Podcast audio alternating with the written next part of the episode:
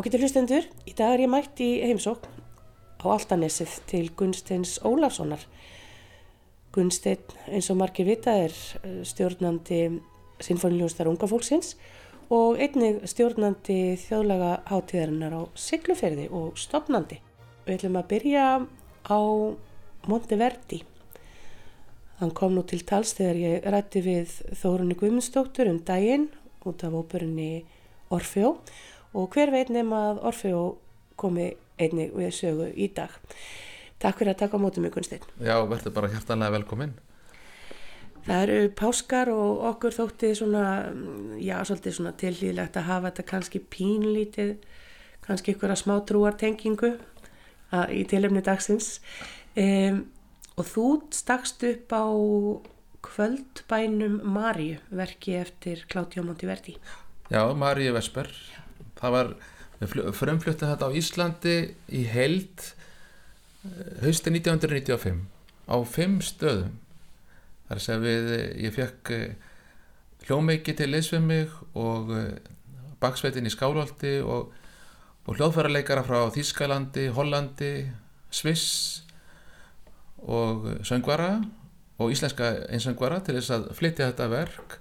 Og við fluttum þetta sem sagt á Akureyri og Selfossi og, og í Reykjavík og Kópúi og eh, þetta var mikið æfintýri stórkvært þetta æfintýri þetta er, sagt, þetta er mjög eh, stórt og mikið verk og stendur eins og domkirkja í, í tónbókmentunum þarna í upphafi 17. aldar og þess vegna finnst mér gaman að aðeins að segja frá þessu og, og þeirri byltingu sem verður í tónlistarsögunni þarna um þetta leiti mm. því að tónverk er ekki bara tónverk það er hluti af það getur verið hluti af stórkostleiri þróun og, og það er svo mikið um að vera þarna í í músikinni Maldamóti 1600 þetta verk er samið það er skráð 1610 en hann var að semja þetta þarna nokkrum árum áður og uh, þetta ásér, ásér þetta er svona hluti af, af, af fæðingu óperunar sem er þarna um þetta sama leiti mm. þannig að mér langar til þess að, segja frá þessu hvað er að gera þarna í músikinni þetta er náttúrulega, við erum stödd á Ítali og uh, Monteverdi hann er fættur 1567 í Cremona á Ítali norður Ítali og, og það er endurreysnir er þarna blómstrar, endurreysna tónlistin. Og endurreysna tónlistin hún var í rauninni aðalega sungin þetta var fyrst og fremst sungin tónlist þar að segja hún skiptist eiginlega í tvö hort þarna á þessum tíma. Það var annars vegar veralleg tónlist hjá herrtógum og, og, og, og svona þessum verallegu hefðingjum. Og þar voru menn með kannski með söngflokk bara starfandi við hyrðina hjá sér fimmanna söngflokk sem söng fimmratta madrigala á ítölsku á móðumáli þeirra sem að hlustuðu og svo hins vegar var það tónlist kirkjunar sem var sungin á latinu og, eh, og þar var náttúrulega Pávin æðstur æðstur yfir músikinni og, og það tónskáld sem að ríkti á þessum tíma og þótti svona skara fram úr það var Palestrína Palestrína var, var í þjónustu Pávans og samti e, kirkjuleg verk og stílinn hans hefur verið svo eh, hefur verið svo ja, hann er svo sérstakur að hann er, hann er ennþá kendur í kontrapunkti. Kontrapunktur endurreysnarinnar hann er hann er sem sagt palestýrina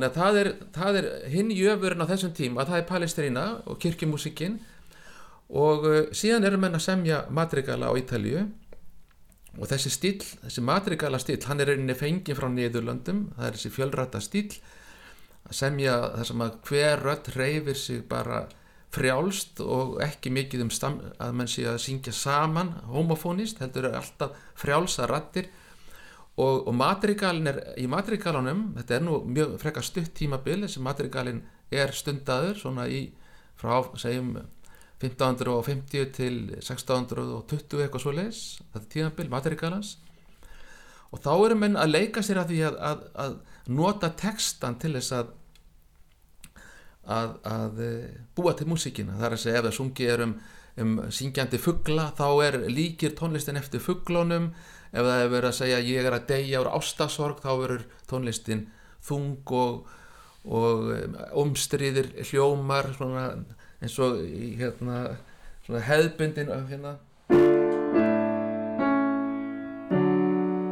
Þarna var ég að leika svona hefðbundna umstriðu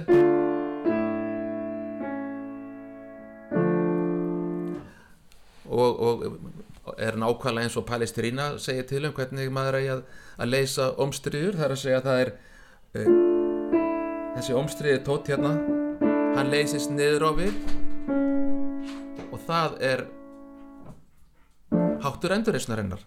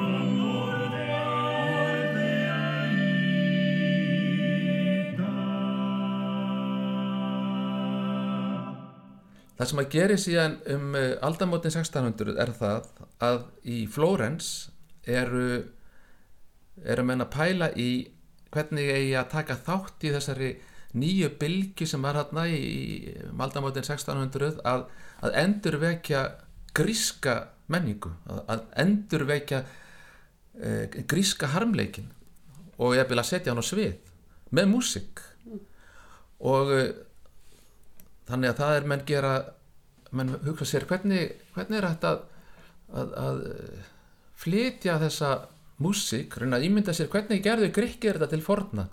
Og þá sáum menn fyrir sér hörpuleikara að slá strengi sína og einhvern fara með kvæði eins og Hómer getið hafa gert.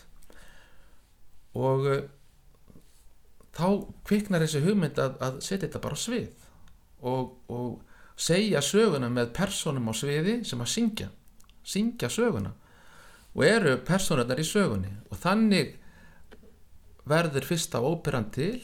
Það er Jacopo Peri sem að er segður hafa samið fyrstu óperuna Daphne árið 1597 önnur ópera eftir hann kölluð Evridís hún er hún er fluttum aldamótin 1600 og þetta er, menn fara að horfa á þetta í Flórens og, og heitlast af þessu. Meðal annars herrtógin af Mantova Gonzaga sem að Monteverdi er í þjónustu hjá.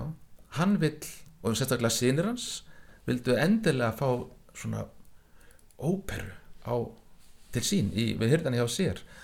Og það sem vakti alveg sérstaklega aðtegli var það þessi nýji stíl að leika undir á hörpu eða á, á sembal eða á lútu slá bara einfalda hljóma og syngja laglínur. Og það er einn söngvari sem að stendur á sviðinu og syngur. Og þetta að, að einsöngvarin stýgur fram úr hópnum end, í enduristinn sungum við alltaf saman í hóp þarna stígur maður eða kona fram úr hópnum og fyrir að syngja einn á sviði við einfaldan einfaldan uh, hljóma undirleik þetta er bara einn stærsta bylting í tónlistasögunni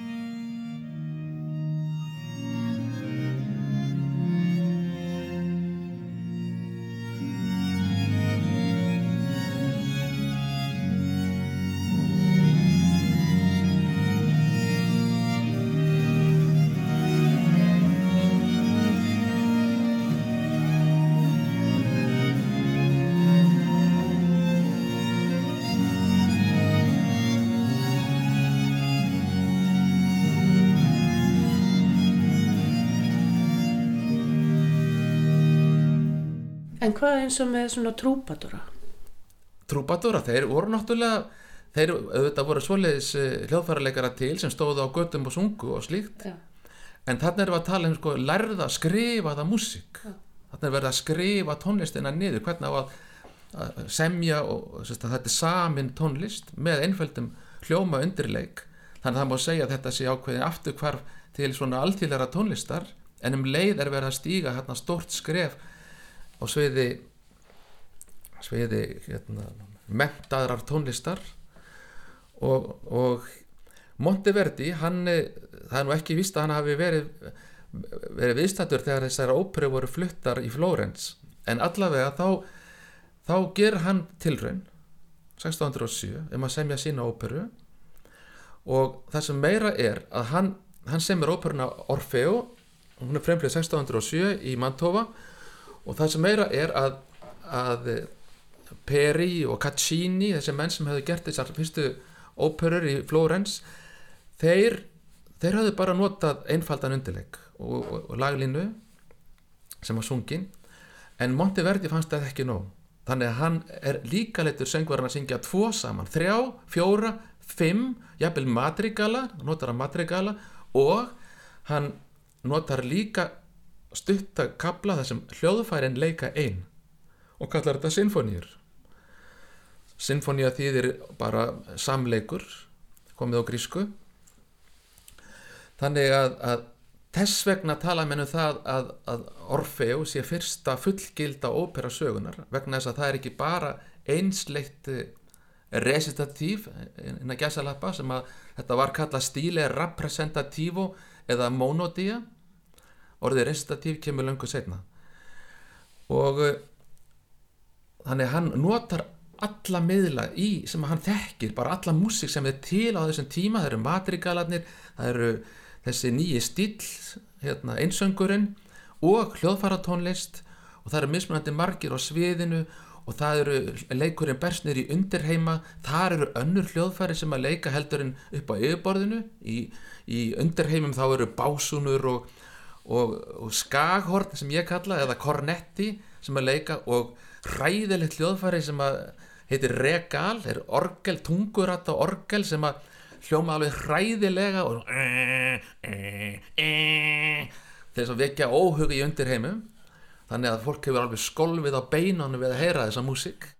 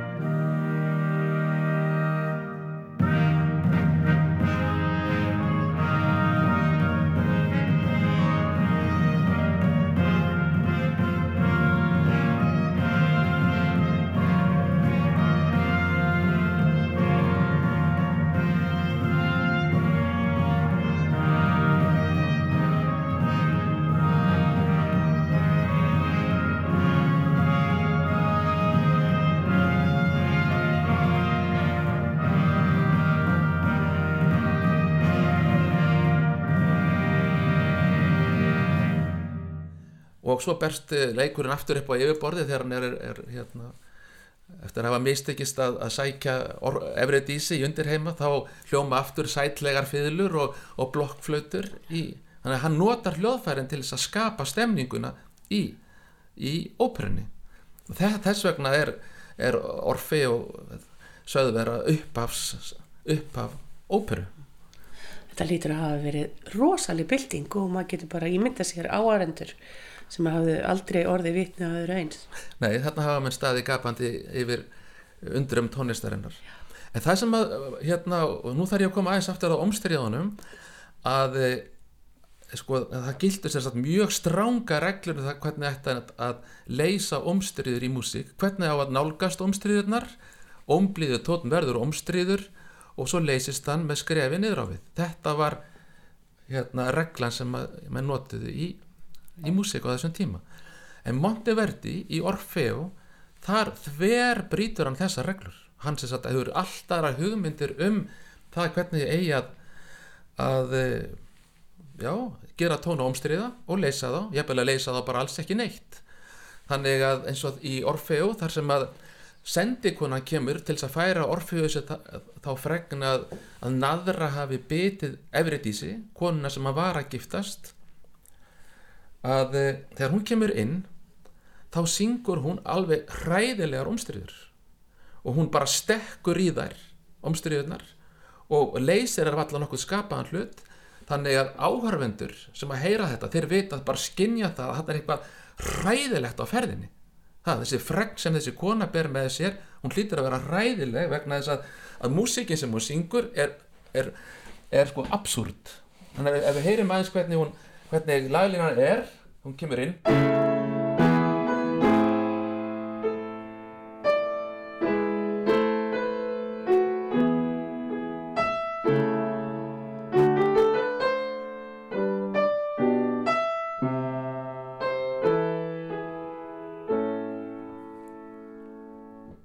Þetta er, er hérna áarp uh, messager þegar hún kemur inn. Þannig að, að heyru hérna stekkur hún bara beint í omstriðina og svo stekkur hún hérna upp í þessa ferund hérna og það er ekki búið að leysa hljóminn. Omstriðu tótt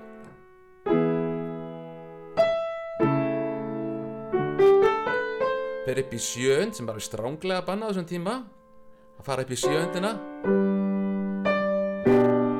aftur stekkar upp í ómstriðan tón og svo kemur hljómurinn eftir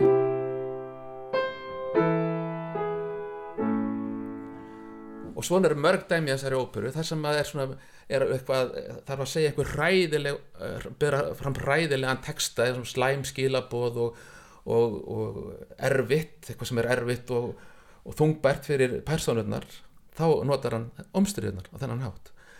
Og Monteverdi hann var harlega gaggrindur fyrir þessar omstriðu sínar Ég svo einmitt að spyrja þig, var enginn sem sló á putanum? Jú, jú, frægu gaggrandi sem heitir Artusi, hann skrifaði fræga grein um það að hvers konar tónskáld þetta væri eða þessi Monteverdi, þetta væri bara algjörlega út í hött, hvernig hvernig hann skrifaði músík, þetta væri bara ekki músík. Og þá svarar Monteverdi með enn frægari grein. Hann gefur út fymta madrigalasafni sitt hann skrifaði náttúrulega madrigala til að byrja með. Svo, svo fyrir hann að skrifa þessar óperur eftir aldamotið 1600 og í fymta madrigalasafninu þá skrifar hann í formóla að eh, tónlistin hans sé annars konar tónlist heldur en svo sem hinga til hafi verið skrifið að tónlistin sem að hinga til hef, var, var, var ungin og leikin hún var svo kvöldið prima pratica fyrri aðferð en tónlistin hans sé sekonda pratika eða önnur aðferð og það er ekkert að bera þetta tvent saman. Þetta er bara eins og eppli og appilsína og þetta er einn ein frægasti raukstöðningu fyrir að, að semja nýja tónlist í tónlistarsögunni. Nákvæmlega. En það er svo, svo sem verkilegt sko að kannski að þá í, á, í þá, þá daga að fólk hafi gjörsamlega farið bara tekið andköf yfir þessu.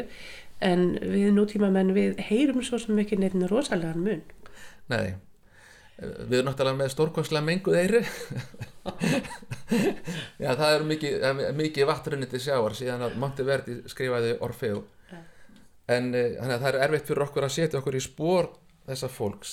En, en þarna er sem sagt hljóðfæra tónlist að, rey, að reyja sér til rúms. Að, að hljóðfærin fá, fá eh, bara sérstaklega pláss í músikinu til að hljóma ein og sér. Þau bara þjóna svona sem undirlegs hljóðfæri fram að þessu en núna fara menn að semja hljóðfæra tónlist og á sama tíma, sko, Monteverdi hann fer hérna 1613 til Fenei og gerist tónlistastjóri Markusarkirkjunar í, í Feneum og það er stórkostlega tónlistalíf þegar hann kemur þánga og, og það er Rístjarna Giovanni Gabrielis hæst. Giovanni Gabrieli, hann skrifaði líka hérna, músik fyrir, fyrir kóra en hann tektastu fyrir hljóðfæratónlist sem hann samti og sérstaklega fyrir málblásara. Og á þessum tíma þá voru þessi kornetti eða þessi skaghort sem ég nefndi á þann þau leku sóprarættirnar. Þetta er semst, eiginlega svona óvaksnar blokkflautur með trombett munstykki mm. þannig að, að þau hljóma eins, eins álíka á trombettar en eru með miklu mýgri tón og eru semst, ekki með klöppum heldur bara, mann leggur bara fingurna ofan á göttin á, á, á, eins og á blokkflötu en það er trompet munstykki og svo voru bá, barokk básónur sem að leku eða enduristnar básónur sem að leku með. Þannig að það voru, þetta voru yfir eitt fimmrætta tónlist og er ennþá mikið leikin af, af málblásurum enn þann dag í dag. Mm.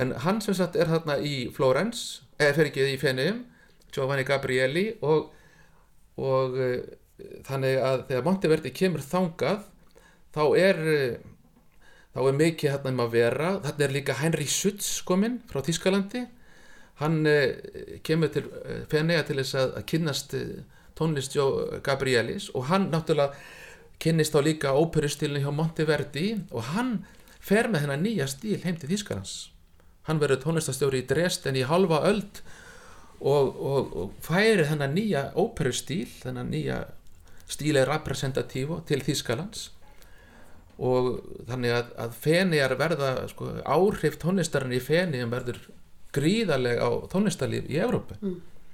En eins og til dæmis fymta madrigalabókin hans Montevertis er hún þá allt öðruvísi heldur en 1, 2, 3, 4? Nei, nei, ekki, reynið raunin ekki. Nei. en hann er, að, hann er að útskýra bara þessa, þessar omstriðu sínar. Og í sjálfu sér eru, eru hérna, omstriðunar í matrikvölunum hans, þær eru afskaplega hefðbundar þannig að það er ekki fyrir henni í rauninni í þessum nýja stíl, þessum einsöngstíl með einföldum undirleik þar sem hann eh, í rauninni lætur gamminn geisa þannig að Artusi, hann hefði heldur betur átt að taka til hendinni að fara að gaggrina Monteverdi eftir að, eftir að hann skrifaði Orfeo því það er í rauninni miklu miklu omstyrjaðri tónlist heldur en hann hafi skrifaði í matrikulunum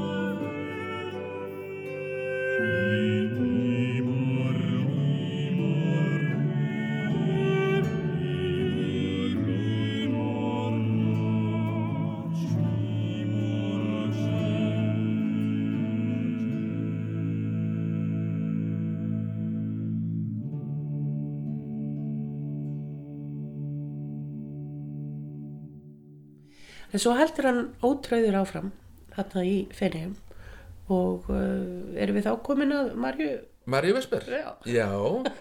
sko hann, hann semur reyndar hann gefur út Maríu Vesper 1610 og þá er hann ennþá í ennþá í hérna já, hertóðanum hann í Mantova þannig að en hún var aldrei flutt.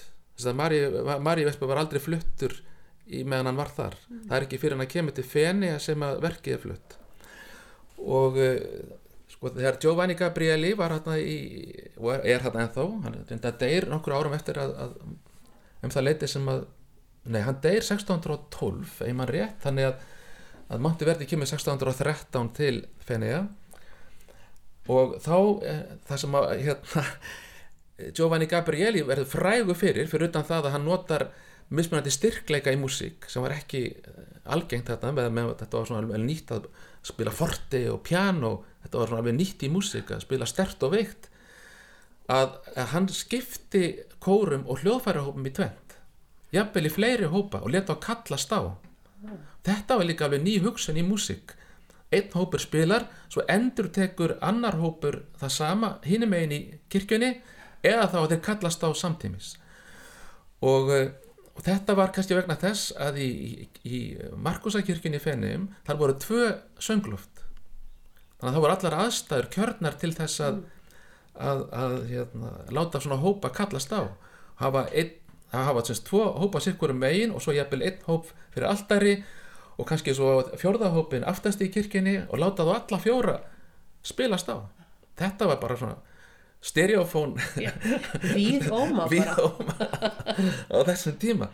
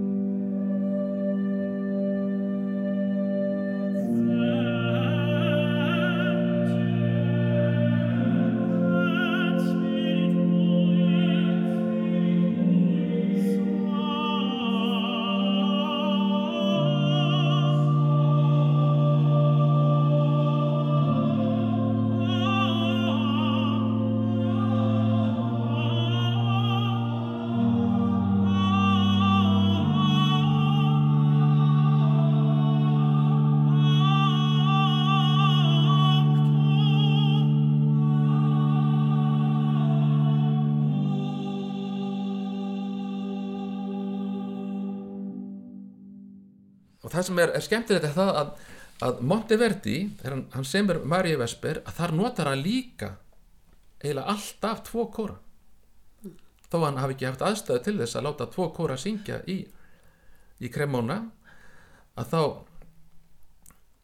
eða í Mantóa segi ég að þá hérna þá er aðstæðan í Markosakirkjunu alveg frábær til þess að flytja verkið þar en Maríu Vesper, sko stílinn í Maríu Vesper, hann er tvennskonar hann er annars vegar svona hefðbundin stíl eins og við myndum kannski kenna við, við Palestrína en samt er hann gjörólíkur getur sagt nánar á hverju og eftir.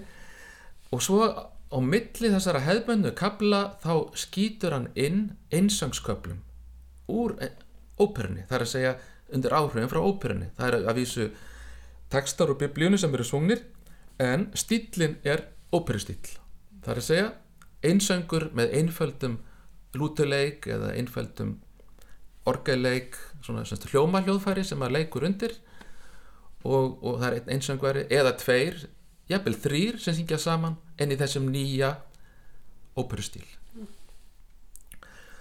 Og, eh, og það, við, ef við, þegar við hlustum á þetta þá heyrum við hvað þetta er gríðarlega skreittur stíl þegar þeir einsöngvarnir eru að syngja að þeir geta, þurfa að geta sungið mjög, mjög flúraðar laglínur. Að eru atfinnusöngvara sem að syngja þetta á þessum tíma, það gáttu bara atvinnusöngvara að syngja svona. Og alls konar rithmar sem eru hérna í gangi það er mjög algengt að, að hann skipti úr tvískiptum takti yfir í þrískiptan. Þannig að byrja, músikin byrjar í da, di, da, da, di svo allt í hennu da, da, da, di, da, da, da, da, da, di, di, da 1, 2, 3, 1, 2, 3, 1 svo allt í hennu da, 2, 1, 2 þannig að fer á milli þessara takttegunda og þannig verður músikin svo lifandi. Og hún er eiginlega dans þetta er eiginlega danstónlist oft á tíðum. Þannig að, að menn segja að, að, að, þessi kirkjulega tónlist sé eh, eitthvað þunglamaleg það er, það er bara alls ekki rétt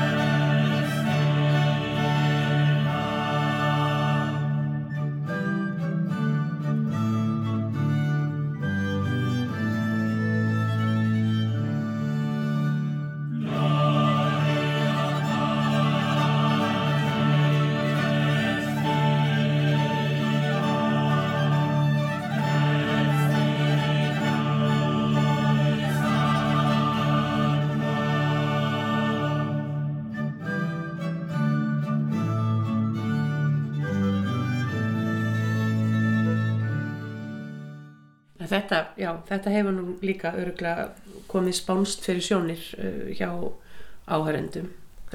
Taktskipti, þetta, hann hefur verið framsýn maður að Monteverdi.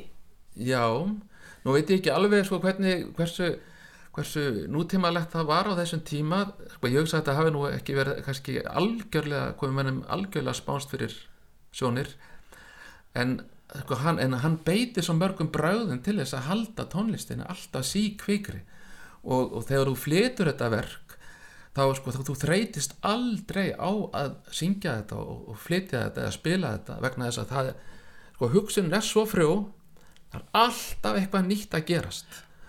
Og og, eh, og svo er líka fjölrætunin svo, svo glæsileg og, og hugsaður það eru tíu rættir í einu kaplanum eru tíu rættir að syngja samtímis hugsaður heilan sem hefur þurft til þess að, að skapa svona, þetta eru risa kaplar tíu rætta og allar rættir á fullu eða, rattir, eða hvað rættir er að kallast á Þannig að fyrir hvað í raun og veru, þetta eru tveir kórar, uh, lítil hljómsveit vantarlega, jú, jú. en hvað eru margir einsöngvarar? Eða Ég- koma þeir bara úr röðum kórs? Nei, það er nú, já, það er örgulega, sko, ég- það er stundum er að menna að flytja Maríu Vesper nú til dags þannig að það eru bara einn söngvar í hverju rödd og í kórnum og svo stíga einsöngvarnir fram og syngja einir.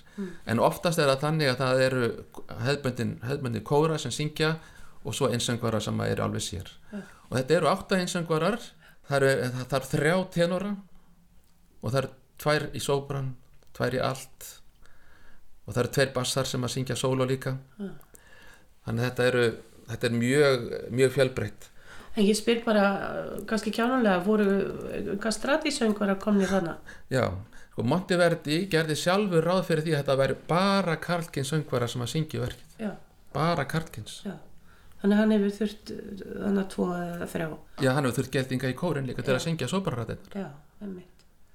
eða drengja sóbrana En þú talar um dómkirkju í tónlist, þetta sé dómkirkjan þarna í upphafi 17. aldar. Jú, jú, þetta er í músikinu þá er þetta svona, þetta, þetta er stórvirki sem að maður kemst ekki hjá að skoða Já. Af hverju heitir þetta Maríu, kvöld, kvöldbæni Maríu?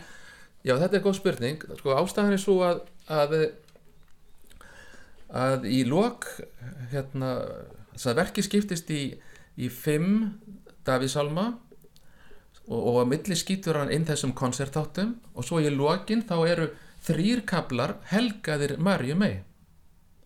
Fyrsti þessara tryggja heitir Sonata Sopra Sancta Maria Ora Pro Nobis sem er Marjubæn og Sonata sem þýðir þá það, það er leikið á hljóðfæri og það er þess að hljómsveitin er að spila allan tíman mjög flúrað og, og leikandi létt á sama tíma þá syngur sopranrödd e, þessa Marjubæn sem er Gregor söngur og hann notar í nokkrum köflum þá notar hann sem sagt eh, þennan gamla tíðasöng kaðalsvið kirkjunar eins og var mjög algengt í músík á þessum tíma að menn notuðu gamla Gregorsöngin sem svona burðarvirkið í verkinu þannig að svona cantus firmus eins og að kallað er, cantus firmus er svona fastur föst laglína þannig að, að hún er sungin og svo öll hinn músíkin snýst í kringum þessa þessa uh, gömlu laglínu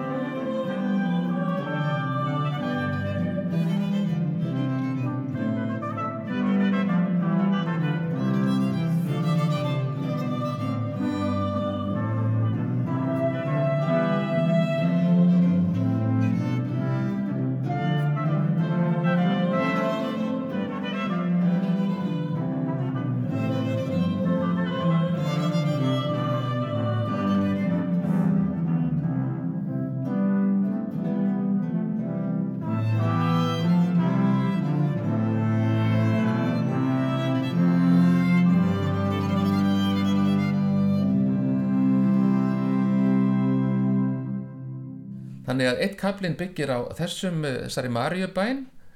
Síðan er eitt kapli sem heitir eh, Ave Maris Stella eða heill þér stjarnahafsins og svo loks er Magnificat sem er eh, sem er 12 kapla verk geti staðið sem sjálfstætt verk þetta Magnificat og er Helga Maríu mei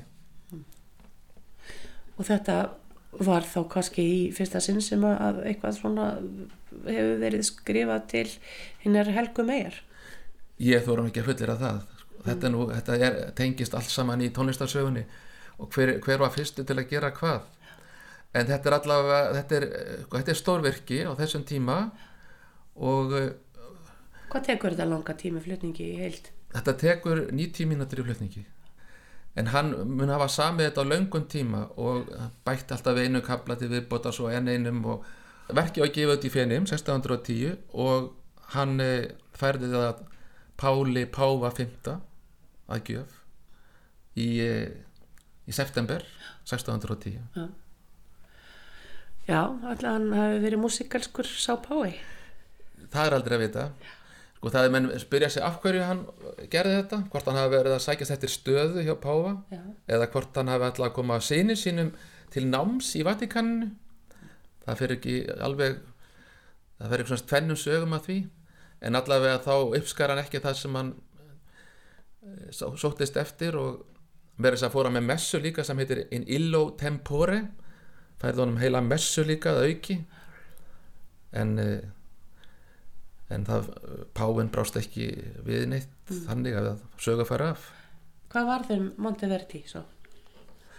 Monteverdi, hann eh, samti óperur í Feneyjum. Hann, hann samti sem sagt uh, óperu sem heitir Arianna og kom út uh, hann reynda samti Ariannu meðan hann var í Mantova 1608 en svo þegar hann kemur til Feneyja þá í þessa miklu siglingaborg og verslunaborg þá semur hann óperu sem heitir Heimkoma Ódysseifs og fjallar um það þegar Ódysseifur snýr heim frá Tróju til Íþöggu það mikla ferðalag hans svo sagt er frá í Ódysseifs kviðu Hómers og uh, svo samtan og síðast óperan hans sem við vitum um og er varðveitt er Krýning Poppu sem er hann að 1642 árið áður en að deyr. Og allar þessar óperu fram að því höfðu byggt á grískri góðafræði eða uh, Hómerskviðum en þessi ópera Krýning Poppu, hún byggir á sem sagt á atbyrðum í Rómaborg og það eru sem sagt sögulegar persónur sem koma þar við sögu Nero og Kleopatra og, og öll hyrðin Seneca, heimsbyggingur þannig að þar, þar fetur hann líka á nýjar slóðir að fara inn í sögulegar óperu, semja sögulega óperu. Og, og það er síðasta verkið hans. Við þe- þekkjum því miður bara þessa þrjár, Orfeo Ódysseifs kviðu eða Heimkom Ódysseifs og Krýningu Poppu þessar þrjár óperur eru varðveittar eftir Monteverdi bara brot úr Ariönu og allt annað er týnt. Hafa hann samið fleiri óperur. Þannig að hann skilur eftir sig fjársjóð fyrir uh, næstu kynnslóð sem að já, er svona eiginlega brjótast út þarna í kringum 1650 þegar hann deyr, ekki satt, barokkið. Jú, þarna er barokkið í fæðingu barokki, það talaði um að, að barokkið hefjist með tilur óperunar 1607 þegar, þegar Monteverdi semur Orfeo að það sé upphafið að barokk tímabilinu sem að er síðan alveg fram til 1750 þegar, þegar Bach eh, Já. Þannig að þú telur Monteverdi til barokkmestara, ekki endurreistnarmestara. Já, hann stendi, hann situr klofvega þarna á þessu bæði á, á, á, á bæ- bæði í endurreisn og í barokkinu. Hann, er, hann, hann vex upp í endurreisninni og svo stígur hann inn í barokkið með, með því að nýta hljóðfærin og, og með því að leggja áherslu á textan það var textin sem skiptið svo miklu máli þegar óperan var að reyðast í rúms að láta hvert orð skiljast. Því að þegar menn voru að semja madrigala og, eða messur á þessum tíma í endurreisninni þá heyrði maður alltaf upphafið og upphafstekstan og svo bara hvarð þetta bara í fjölrötuninni allir að syngja mismunandi texta samtímis en þegar var sungið bara ein rödd og einn texti heyrðist þá allt í einu fórum henn að leggja til hlust, við hlustir. Já þetta er, þarna er skiptir orðið svo miklu máli og bóðskapur textans. Svona eins og í trúnni bara eins og já, Lúter. já, einmitt. Að skilja á, að, syngja eða, já, syngja á, á því tungumáli sem að áherendur skilja. Gunnsteinn Ólusson, þetta er stórmerkilegt það sem þú ert búin að segja okkur í dag. Ég ætla að þakka þið kjærlega fyrir spjallið og þessa kennslu stund, myndi ég að segja, fara. um, við ykkur hlustendur, ætla ég að segja takk fyrir að hlusta og þanga til næst hafið það sem allra best. Ljúkum þessu hér á einum fallegum þætti úr kvöldbænum Marju.